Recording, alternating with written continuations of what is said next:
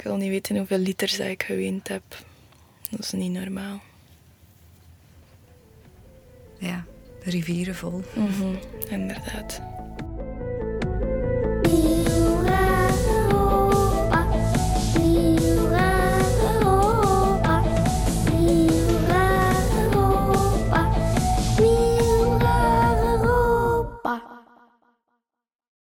Mijn naam is Marieke. Ik ben actrice en theatermaker en ik ben 28 jaar. Zes jaar geleden stierf mijn moeder. Een paar dagen nadat dat was gebeurd, schreef ik neer: Er zit een gat in mij, met haar vorm en afmeting. En ik krijg dat gat niet vertaald. En ik denk dat ik dat eigenlijk letterlijk bedoelde. Ik vond geen taal om uit te drukken wat er binnenin mij gebeurde. Er was plots een enorme kloof tussen mijn binnenkant en de wereld, de buitenwereld, die gewoon doorgaat. Die heel onverschillig is. En het is niet omdat jij ongelukkig bent of moet huilen dat het buiten ook begint te regenen. Integendeel.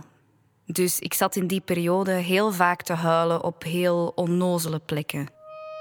Aan de bushalte, op de trein, op openbare toiletten. Hm, Ik denk dat ik overal al een keer geweend heb.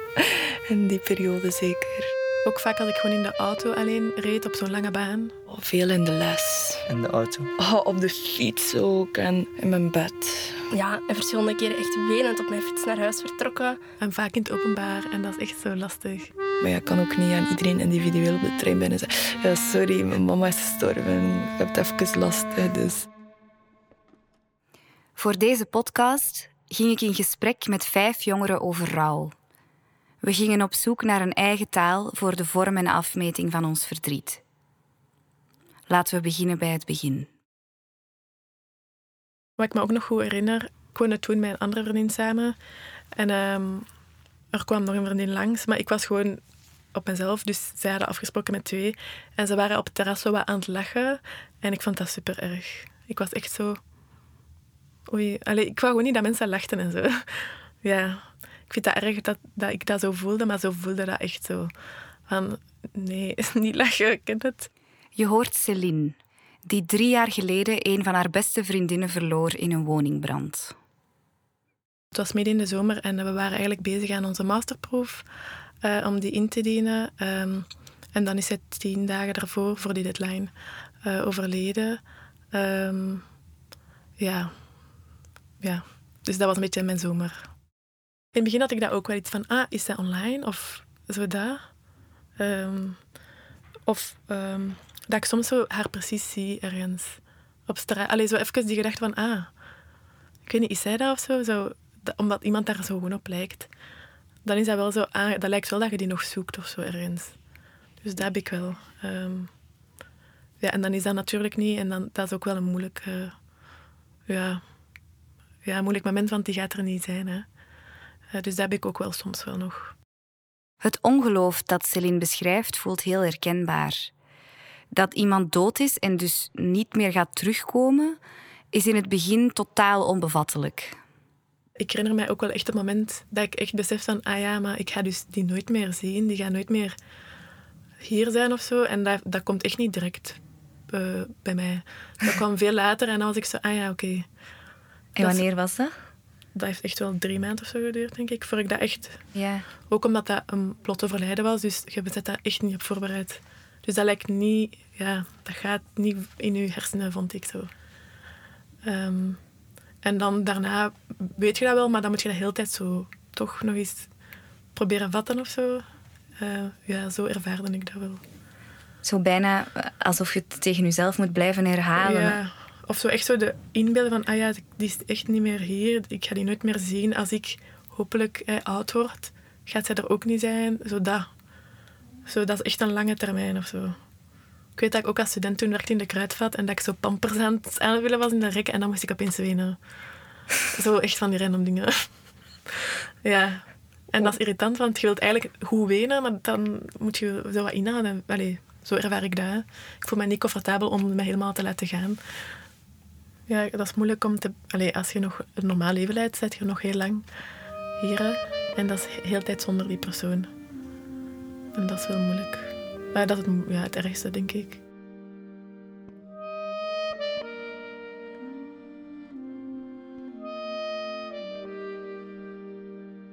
Ik dacht van, als, als mijn mama sterft, ik, want ik wist wel, ze, ze ging sterven, ja. Want ze was ziek en ze, ze was ongeneeslijk ziek ook. Het was toch nog onverwacht voor mij. Dit is Camilla. Camilla's moeder stierf van kanker, net als de mijne. Wat is de naam van jouw mama? Mijn mama heet Marianne Marianne. en uw mama heet Ruud. Ja, Ruud. Ik herken het gevoel van ontreddering dat Camilla beschrijft, ook al wist ze dat haar moeder ging sterven. Wanneer het dan uiteindelijk gebeurt, is het toch een verrassing. Ik denk dat je nooit kan voorbereiden op het moment dat, dat je je mama gaat verliezen. Want het is echt een verschrikkelijk moment en ik wens het niemand toe. Echt oprecht niemand. En dan toch is het daar en het is met zoveel ongeloof dat ik daar zat. Van, ja, ik besefte dat gewoon like, eerst niet van... Mijn mama is er niet meer. En ik dacht gewoon van ja, als ik thuis kom, dan zit ze daar nog in de zetel. Ik heb dat heel vaak gedacht. Heel veel nachtmerries erover gehad. Dat super verward wakker worden van wat is er gebeurd en de daarna ook zo van was het maar een droom maar die, die realiteit onder ogen zien was zo moeilijk voor mij dat ja ik weet niet ik moet het omschrijven als een constante nachtmerrie of zo als ik ging gaan slapen was dat niet goed want dan had ik een nachtmerrie maar als ik opstond was dat ook niet beter dan de nachtmerrie eigenlijk Camilla vindt een manier om deze gevoelens om te zetten in woorden. Ze begint te schrijven. Ik kon daar heel veel plezier uit halen, eh, mijn emoties in kwijt. Ik vind dat heel mooi om naar terug te kijken in welke periode dat ik toen zat en de woorden dat ik toen gebruikte. En ik was zo... Zet je soms verbaasd over, woord, over woorden van wow, dat ik dat woord gekozen heb? Ehm, ja, ik ben vooral verbaasd over de zinnen dat ik op papier durfde zetten. Eh, of soms, dat kwam gewoon te binnen, een zin. En ik had een gevoel en die zin... Ja, dat sprong gewoon plots in me op en dan... Dat heeft mij like een beetje steun. Ik weet niet hoe dat ik het moet uitleggen, maar... Want mijn verdriet is al in woorden uitgedrukt. Dus ik moet het alleen beleven. Ja, en het zijn ook uw woorden. Ze zijn van u. Mhm, Ja. Ik vraag aan Camilla of ze een van haar gedichten wilt voorlezen. Er is ook nog een van toen dat ik echt heel verdrietig was. Verdrinken in tranen van verdriet, nog net drijvend door herinneringen, weet ik nog goed de dag je ons verliet. Dankbaarheid brengt droogte, de pijn die blijft. Verdrinken is nu onmogelijk, met tranen verstijfd. Ik vind dat heel leuk om met, die, met woorden te spelen en je verdriet op een andere manier zien. Ehm, ja, het op een, een andere blik werpen op de situatie. Een blik dat je er normaal niet op zou werpen.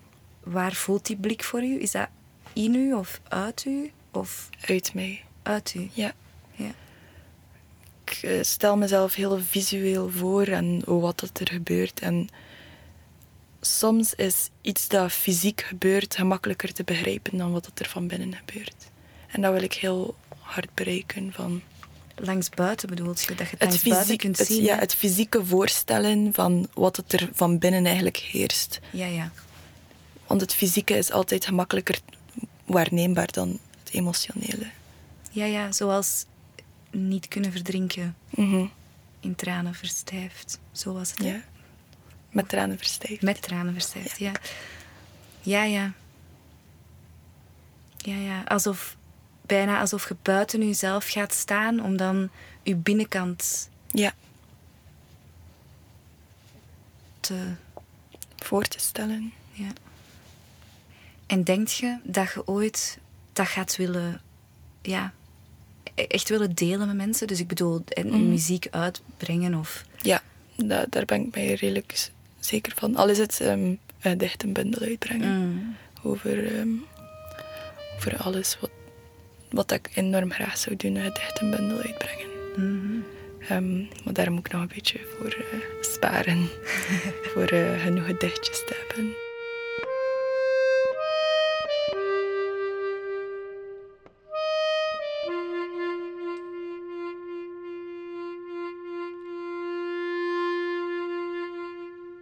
Camilla gebruikt fysieke beelden in haar gedichten.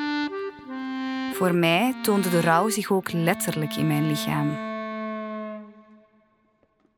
Hoe voelde dat verdriet voor u? Hoe zou je dat omschrijven? Ik, ik heb dat fysiek echt gevoeld van... Ik, ja, ik had super vaak buikpijn. Ik denk dat ik echt niet overdrijf als ik zeg ik ben elke dag met buikpijn naar school vertrokken. Ik denk dat dat... Dat is wel een beetje mijn herinnering nog. Ja, ik denk een paar weken daarna had ik superveel ja, spanning in mijn schouders en mijn bovenrug. Zo wat. Ja. Eh, maar ik snapte niet van waar dat, dat kwam. Ik had ook wel, denk ik, wat haarverlies. Ja, en zo wat paniekaanvallen. Allee, ja. Je bent gewoon een beetje een mes. Sinds dat mijn zus overleden is, eh, ben ik heel dag misselijk, super misselijk. En heb ik de eerste drie, vier maanden op drie speculoosjes geleefd per dag, omdat ik gewoon niet kon eten. Ah ja, en vermoeidheid en zo. Allee, ik was kei moe zo een paar maanden daarna en ik wist niet waarom. Dat was ook wel een groot eh, besef of zo van, amai, onze geest is echt en ons lichaam zijn samen. Nu is dat voor mij heel normaal, maar daarvoor was dat ook iets waar ik niet van bewust was. Maar als je zo in, een, ja, in zo'n emotie zit of zo, gaat je lichaam ook beginnen reageren. Je hoort opnieuw Céline. Het meisje dat huilde in de kruidvat. Ik ben ook eens naar zo'n rage room gegaan. Eh er waren ook nog andere dingen die mij toen boos maakten, maar dat is wel iets dat mij ook... eh, dat heeft mij wel goed gedaan of zo. Wat is een rage room? Ah ja, eh, dus, dat is eigenlijk een ruimte, dat is ook hier in Gent. En daar staan allemaal spullen in eigenlijk, en je mocht die gewoon kapot maken. En met zo'n baseball... Allee, eigenlijk heb je verschillende materialen om dat kapot te maken. En dan mocht je muziek kiezen ook. En je hebt dan zo wel een bescherming voor je hoofd, en je, je hebt handschoenen en zo'n pak aan.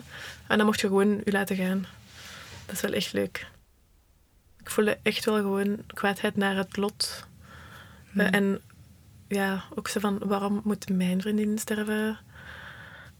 Ja, waarom zij, zo dat, ja, duidelijk is zij het grootste. Allee, zij is het slachtoffer van wat er gebeurd is. Hè. Ja. En wij zijn hier nog. ehm, dus ik heb mij nooit boos gevoeld op haar, maar echt wel op de wereld of zo. Ehm, ja, en hoe dat het leven dan blijkbaar loopt soms. Ja. Hoe het leven loopt, inderdaad. Want de omstandigheden waarin iemand sterft kunnen heel bepalend zijn voor de rouw van de mensen die achterblijven. De liefde voor iemand die gestorven is voelt vaak heel tastbaar, heel reëel en kan net om die reden ook enorm pijnlijk zijn. Er is nog wel een stukje boosheid in mij. Ik, heb, ik denk dat dat ook wel iets zal zijn dat ik ook de rest van mijn leven meedraag. Van, ja, ik ben gewoon boos dat zij ons heeft aangedaan. En dat gaat niet weg, want de situatie is wat de situatie is. Ehm, zij heeft ons dat aangedaan, ze heeft daar zelf voor gekozen. Maar als ik tiener was, wat ik daarnet zei, ik had het gevoel dat dat de enige emotie was dat ik nog had. Ik was alleen maar boos. En nu is die, die emotie van boosheid, dat is nog een stukje, maar dat is een klein stukje in mijn dag. En dat is niet meer heel mijn dag. Ehm, net zoals dat het verdriet ook niet meer heel mijn dag is, maar nog een klein stukje van mijn dag. Dit is de stem van Joke. Zij heeft een bijzonder verhaal. Nog voor ze zelf geboren was, stierf haar broer. Wanneer Joke dan 14 jaar werd, verloor ze haar zus aan zelfdoding. Plots werd ze het oudste kind in het gezin. Daarbovenop werd haar moeder ernstig ziek. Op dat moment, dat klinkt heel cru, maar ik was nergens echt graag. Ik was ook niet graag thuis, want daar voelde je dat verdriet super hard. Want heel je huis hangt vol verdriet. Maar ik was ook niet graag op school, want daar moest ik elke dag horen hoe stom ik was en dat ik, het niet, dat ik niks waard was. En dat ik, dus ja, ik ben twee jaar lang met buikpijn naar school vertrokken en met buikpijn thuisgekomen.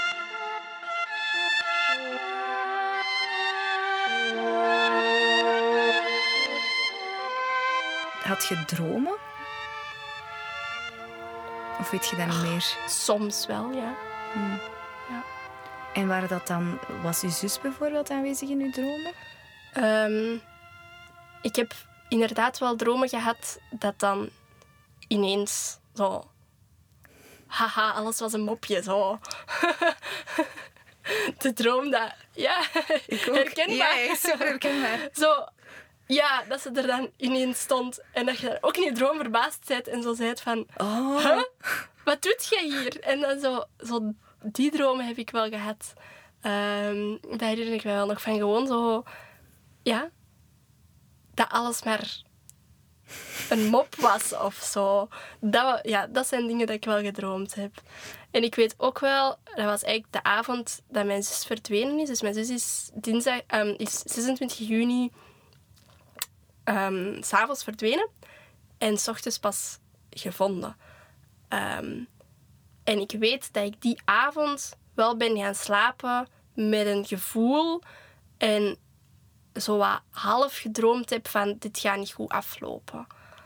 Ehm, dus dat is wel iets dat ik mij nog herinner van... Ja, op een of andere manier heb ik dat dan toch gevoeld van... Dit is, want mijn zus liep wel vaker weg uit de psychiatrie, dus dat was niet de eerste keer dat we telefoon hadden gehad van de politie van... Zeg, is Sarah bij jullie thuis? Want ze is niet meer in de psychiatrie. Dat was niet de eerste keer. Maar op een of andere manier heb ik toch aangevoeld, en ik denk mijn ouders ook, hebben ook aangevoeld van... Dit is niet als de andere keren. Dit is... Er klopt iets niet. Ehm, en dat heb ik ook gedroomd, wat dat heel raar is. Dat je dat dan zo droomt in die nacht, terwijl je nog niet weet dat ze gestorven is, dat je dan toch al droomt van... Dit loopt slecht af.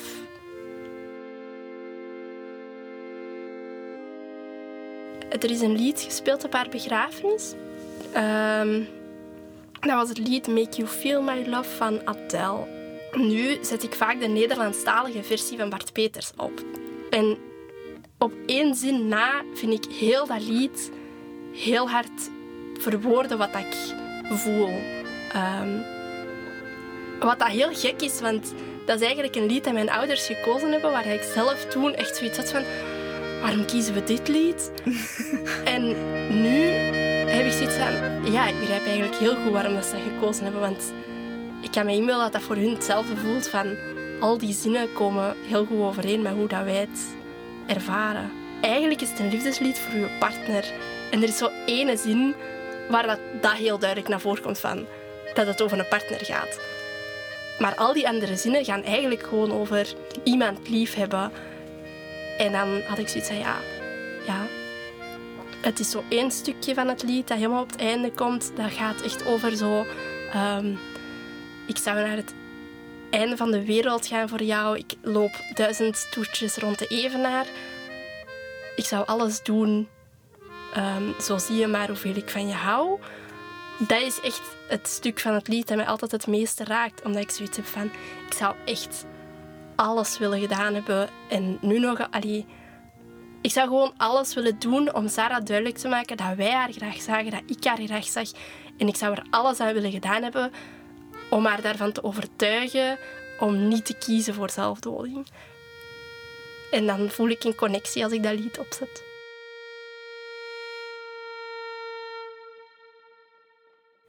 En wat voor soort liedjes zongen jullie dan? Dat waren van die typische meisjesliedjes natuurlijk. Ehm, ja, zij was heel wel eh, into the girls, Hannah Montana, zo. om- eh, ehm, hoe noemt ze?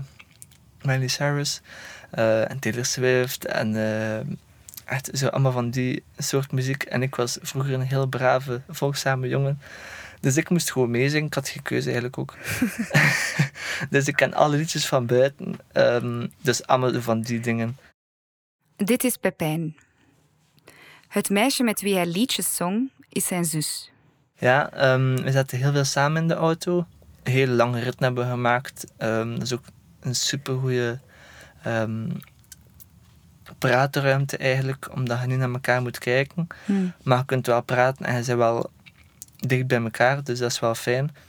Een playlist opleggen en dan samen zingen, maar ook onnozel doen, maar ook super diepe gesprekken. Allee, dat was eigenlijk wel super fijn. Ehm, en ze heeft zo lekker plaatje in de auto of zo. Zo op de passagiersstoel vooraan. Dat was zo haar plaatje. En dan... Ja, dat is wel fijn ook en zo. Vijf jaar geleden stierf Pepijn's zus. Ik heb uh, iets meer dan vijf jaar geleden uh, mijn zus uh, verloren. ze heeft euthanasie gedaan. Um, rond um, psychisch lijden was dat, ja. Wanneer was dat? Wat was de datum? 7 juli 2018. Heeft zij zelf die datum gekozen?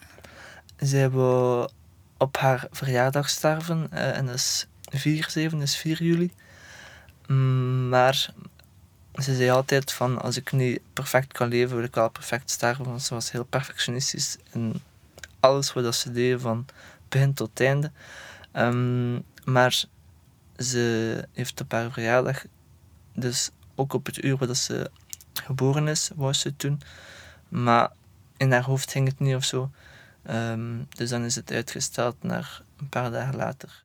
Ja, die laatste week, dat is zo intens, dat is echt zot ook dat twijfelen was ook gewoon een, een kenmerk van haar, wat ook super normaal is op dat moment.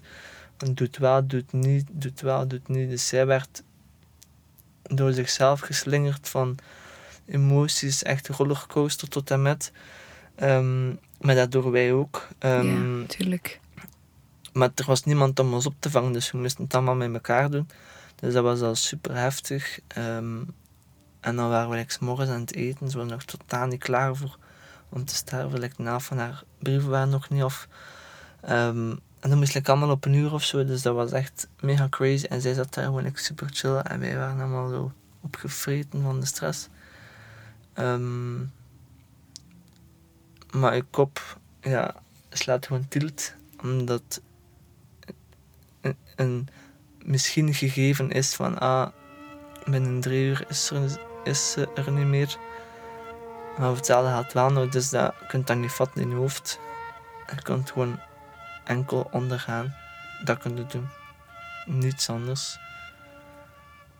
Pepijn vertelt dat de herinneringen aan die laatste periode heel heftig zijn. Maar dat ze hem ook helpen om de dood van zijn zus te plaatsen. Ik denk daar heel veel aan. Um, en dat zijn heftige dingen.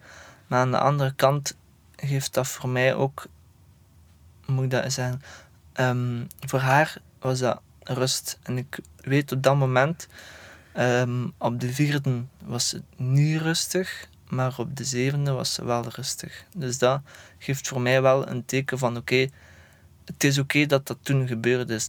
Dan kan ik wel beter plaatsen, omdat ze dat dan wou en dan ook rustig heeft omdat je dat heel helder kon voelen, dat dat is wat dat ze wou. Ja, echt zot. Want like, de avond ervoor um, heeft zij in een vlies op mijn mama's schoot gezeten. Wat dan normaal echt... Ze had heel erg smetvrees. Mm -hmm. Dus ze moest altijd proper zijn en gewassen. En in de vlies was... Not done. was het in de chicste kleden. Mega duur altijd. Uh, ze heeft like, ongewassen uh, in een vlees op mama's schoot gezeten. Mocht ook niemand aan haar komen, um, behalve ik eigenlijk. Dus dat was een heel zot zicht en je voelde gewoon van oké, zij wil dit echt. De, zij wil, zij is vredig en ze heeft er vrede mee genomen en het is oké. En ja, dat is misschien wel het beste dan. Allee, ook al is het super moeilijk om dat te aanvaarden. Um, voelde wel gewoon dat ze het wou en dat dat oké was. En ik vind dat beeld vind ik heel fijn. Um, want ik was op een, een voetbalavond uh, en ik moest gaan vanavond. Ze zei Pepijn, gaat er zeker naartoe. En ik was dan thuisgekomen en dat was dan een super fijne avond. En dat beeld ga ik echt nooit vergeten. Dat is echt een super mooi beeld dat voor mij echt super betekenisvol is. Um, ja, ik ga altijd blijven om te houden. Ik ga dat nooit vergeten. Hmm. Ik kan me voorstellen dat dat, ja, dat dat gewoon echt moeilijk moet zijn. Ja. Dat is natuurlijk het ding. mijn moeder is gestorven aan kanker. Ja, het is heel helder. Ja. Dat is gewoon heel helder. Er is zo'n oorzaak. Ja. En dat maakt het niet minder moeilijk om iemand te verliezen, maar je kunt wel zeggen, oké, dat is de oorzaak. Ja, je kunt die letterlijk aanwijzen. Ja. In haar lichaam. Daar. Ja. ja, Ja. inderdaad. En dat is bij psychisch ziek zijn niet. Dat heeft ook, denk ik, gemaakt... Nu kan ik dat inderdaad zien als... Oké, Sarah was ziek en Sarah was...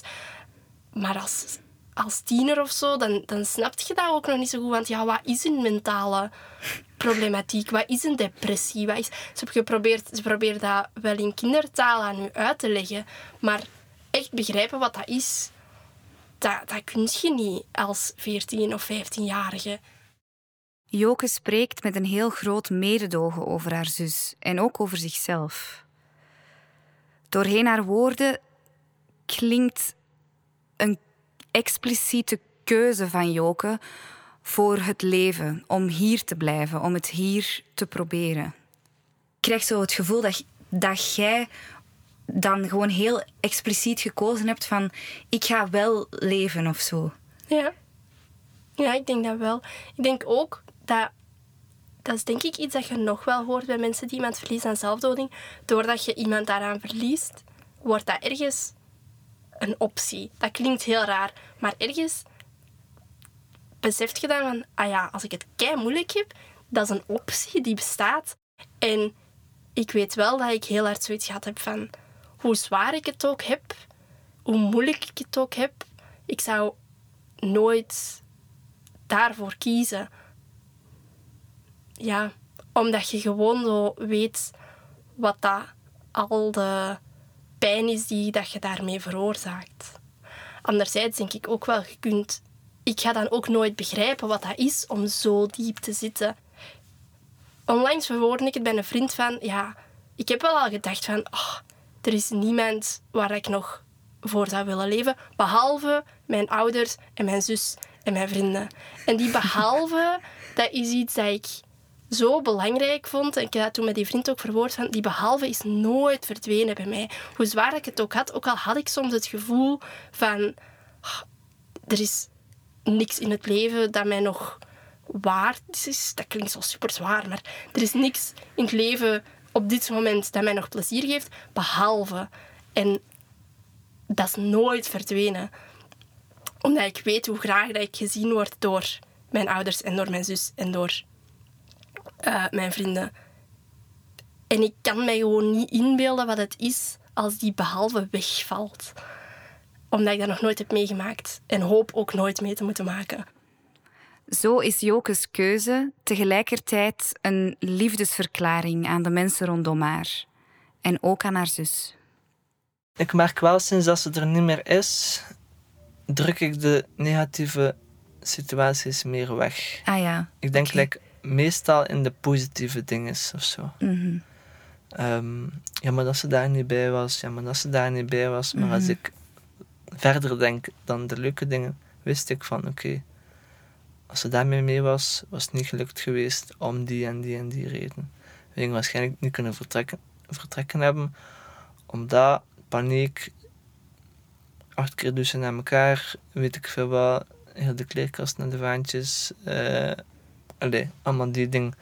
Ik merk wel dat ik altijd meestal in de positieve dingen denk. Ik kan me voorstellen dat dat moeilijk is. Die Ja. twee realiteiten samen of zo. Ja. Enerzijds zo die enorme liefde en, en de, de hele mooie dingen. En, ja, en dan anderzijds ook gewoon wel weten, ja, ze was echt psychisch ziek. En, en er waren heel veel dingen die echt gewoon super moeilijk en pijnlijk en complex waren. ja, klopt. Ik zit daar echt helemaal afgescheiden. Ja. En vroeger zag ik dat als één persoon meer. Allee, meer, ja, niet super, maar allee, toch meer. Maar nu zie ik dat echt zo in twee stukken. Hmm.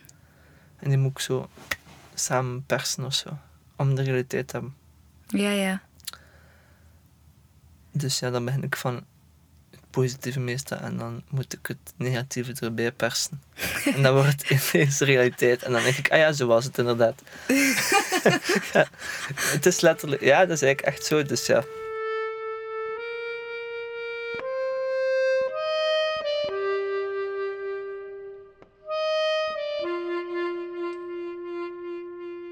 Moest er wel echt door van ook een plek te kunnen geven aan de dingen dat ik niet nice had gevonden en dat ik moeilijk had gevonden.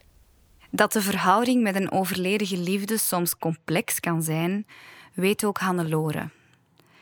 Zij verloor haar stiefvader, de man die ze als haar vader beschouwt. Hij had een hersentumor en stierf twee maanden na zijn diagnose. Tijdens ons gesprek vertelt Hannelore me over een boek dat ze aan het lezen is, over kolonialisme en verlichting. En ze vertelt hoe ze geraakt werd door een specifieke passage. Maar dus in dat boek kwam er een passage waarin ze, ze zeiden van ja, ehm, wanneer we dus de native bewoners uh, daar zijn er soort van twee beelden van. Ofwel zijn we zo van, oh, ze zijn primitief en barbaars. Mhm. Ofwel zijn we zo van, oh, zij hebben de echte wijsheid. Gelijk, zij zijn nog in touch met de natuur, niet zoals wij, westerlingen. Mhm. Dus die twee dingen. Maar dus dat boek zei zo van, wij, wij doen hun eigenlijk disrespect door een van de twee te kiezen. Ook de ophemeling is disrespect. Totaal. Want echt respect is iemand zien in al zijn menselijkheid en complexiteit. Zeker. Snap je? En toen dacht ik ook van, oh my god, echt respect is iemand zien in al zijn menselijkheid en complexiteit. En toen dacht ik dat ook tegenover mijn vader. Mm. En was ik zo van, ik doe je eigenlijk helemaal geen... Allee, ik doe je helemaal geen plezier met u te reduceren tot iemand die al goed was of zo. Ah, of ja. een heilige was en enkel maar goed te praten. Kijk, Ik doe je eigenlijk veel meer eer aan door juist al die menselijkheid te erkennen en zo.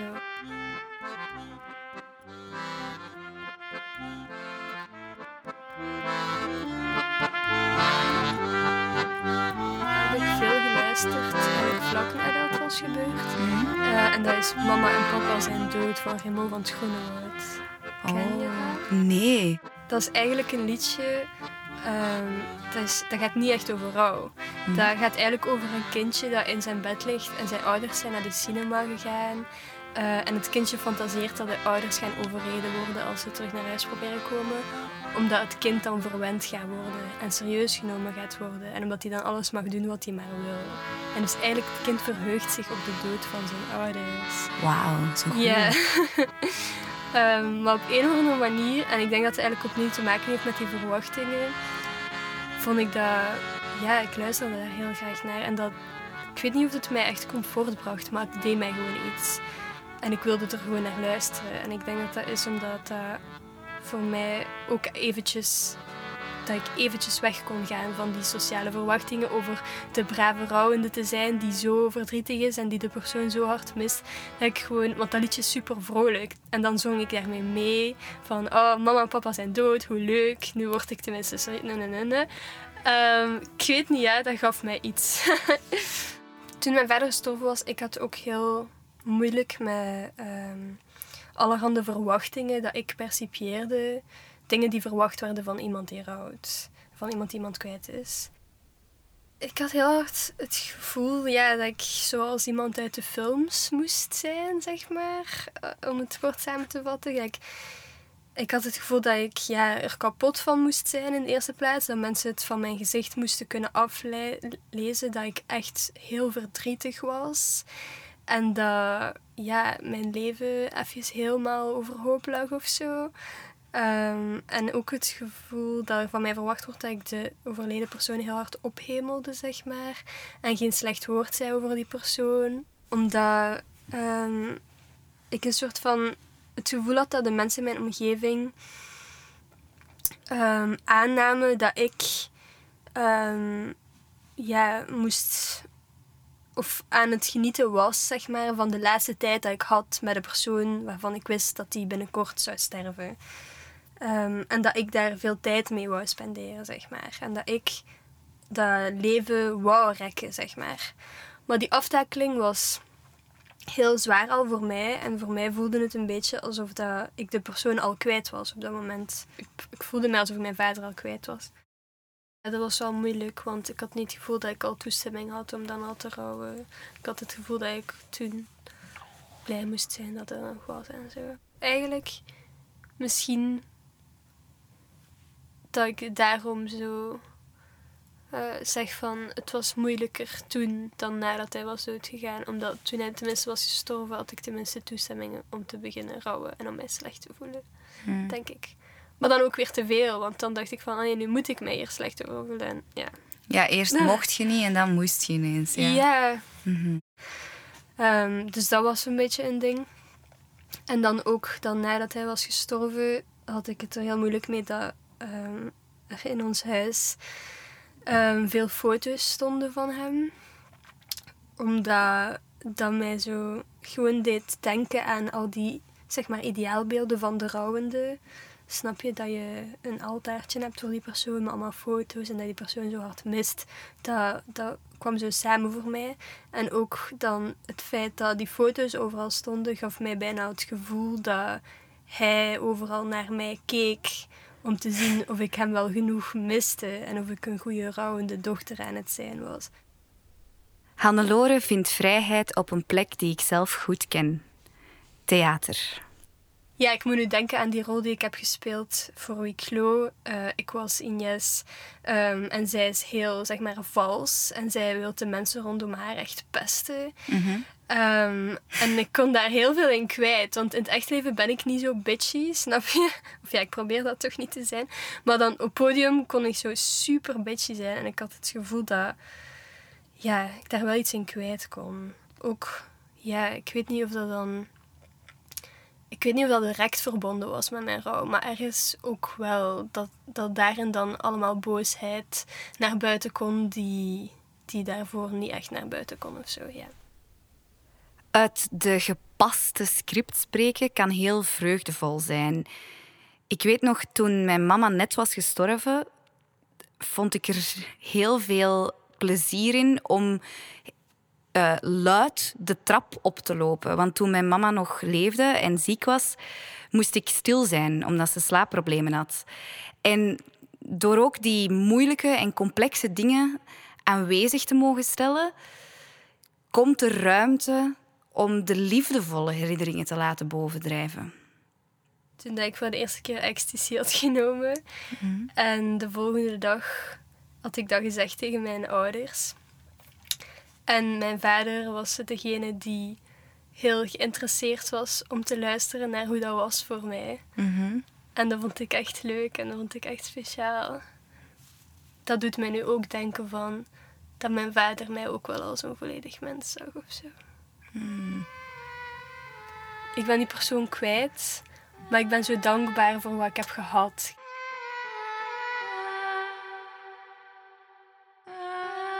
En ik ben ook wel blij ehm, dat onze laatste contacten wel heel goed waren. Uh, en heel, ook echt heel liefdevol. Zo precies dat we... Dat, ik niet. Het leek misschien zo op achteraf van... Ah, we wisten dat precies. Van, ze gaat weggaan of zo. En dan hebben we echt wel zo onze dankbaarheid naar elkaar geuit. En, dus daar ben ik super dankbaar voor. Uh, ze had me ook nog eens gebeld een paar dagen daarvoor. En ik had haar oproep gemist. En ik heb haar teruggebeld. Waar ik ook heel blij voor ben. Ik heb zo uh, heel hard gevoel bij dat lied dat ik gewoon zo in de armen van mijn mama lig. Oh. Ja. En dat doet mij ook gewoon denken aan mooie mensen. En to my arms van Nick Cave. Er is ook één recht. Um, super belachelijk, maar mega goed. Lam van de Aldi uit de diepvries. Echt geweldig. Dat is al gekruid.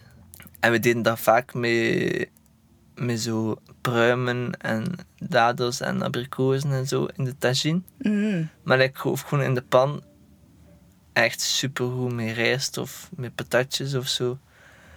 Echt supergoed. En dat was dus haar lievelingsgerecht en dat hebben we ook lekker op de laatste avond gegeten. Oh. Ja. Um, dus nu elk jaar op haar sterfdag eten we dat. Oh. Echt mega lekker. Lam van Aldi. Mm. Zo al gekruid. Super goed. Kijk, ik had al goestingen. Uh, we zeiden altijd zo beige tegen elkaar. beige. ja, zo van... Uh. Uh, zo die, dat zeiden we gewoon altijd tegen elkaar. Um, ik weet ook niet van waar dat, dat kwam of zo. Um, ja, dat is denk ik zo wel het kenmerkende aan onze communicatie. Uh, en dan ga ik dat woordje ook nooit tegen iemand anders zeggen of zo. Dus dat bewaar ik nu wel voor haar. De eerste zin van uh, het gedicht The Wild Iris van Louise Gluck is... At the end of my suffering there was a door. Dus aan het einde van mijn lijden was een deur. Mhm. Ziet je al een deur? Ja, ik heb zeker de deur al gezien. Dat Mhm. zeker. Ehm, maar hij staat nog op een kier. Mhm. Het is nog eh, heel gevoelig. Wat denk je dat er achter die deur ligt voor u? Of hoe verbeeld je dat? Rust. Rust. Rust. Ja. Rust en mooie herinneringen. Ik geloof wel heel hard in het terugzien van mijn mama. Dat wel. Dat is een...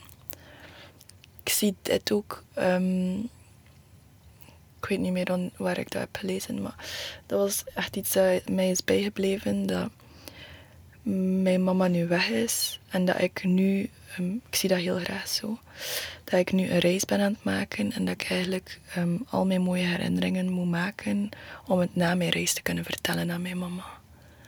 Het verdriet gaat daardoor niet weg, maar je ziet het op een heel andere manier. Hoe zou zo'n deur er voor u uitzien, denk je? Ik denk ehm, het helpen van anderen. Ik haal er wel kracht uit dat ik met alles wat ik heb meegemaakt ook anderen kan helpen.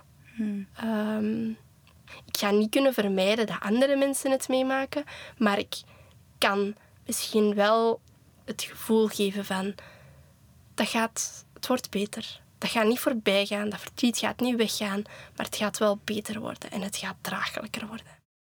Er is zo via Missing You, een van de rolmodellen dat zij hebben, heeft dat zoiets verwoord als ja, ik ga 99% gelukkig worden. En ik vond dat wel een mooie verwoording van ik ga nooit meer die 100% halen, maar 99% is al een heel mooi streefdoel. Ja, wie wil er ook honderd eigenlijk? Inderdaad. Dit was de eerste aflevering van Nieuw Raar Europa, een podcast van LARF. Ik ben Marieke en je hoorde het verhaal van Céline, Camilla, Pepijn, Joke en Hannelore.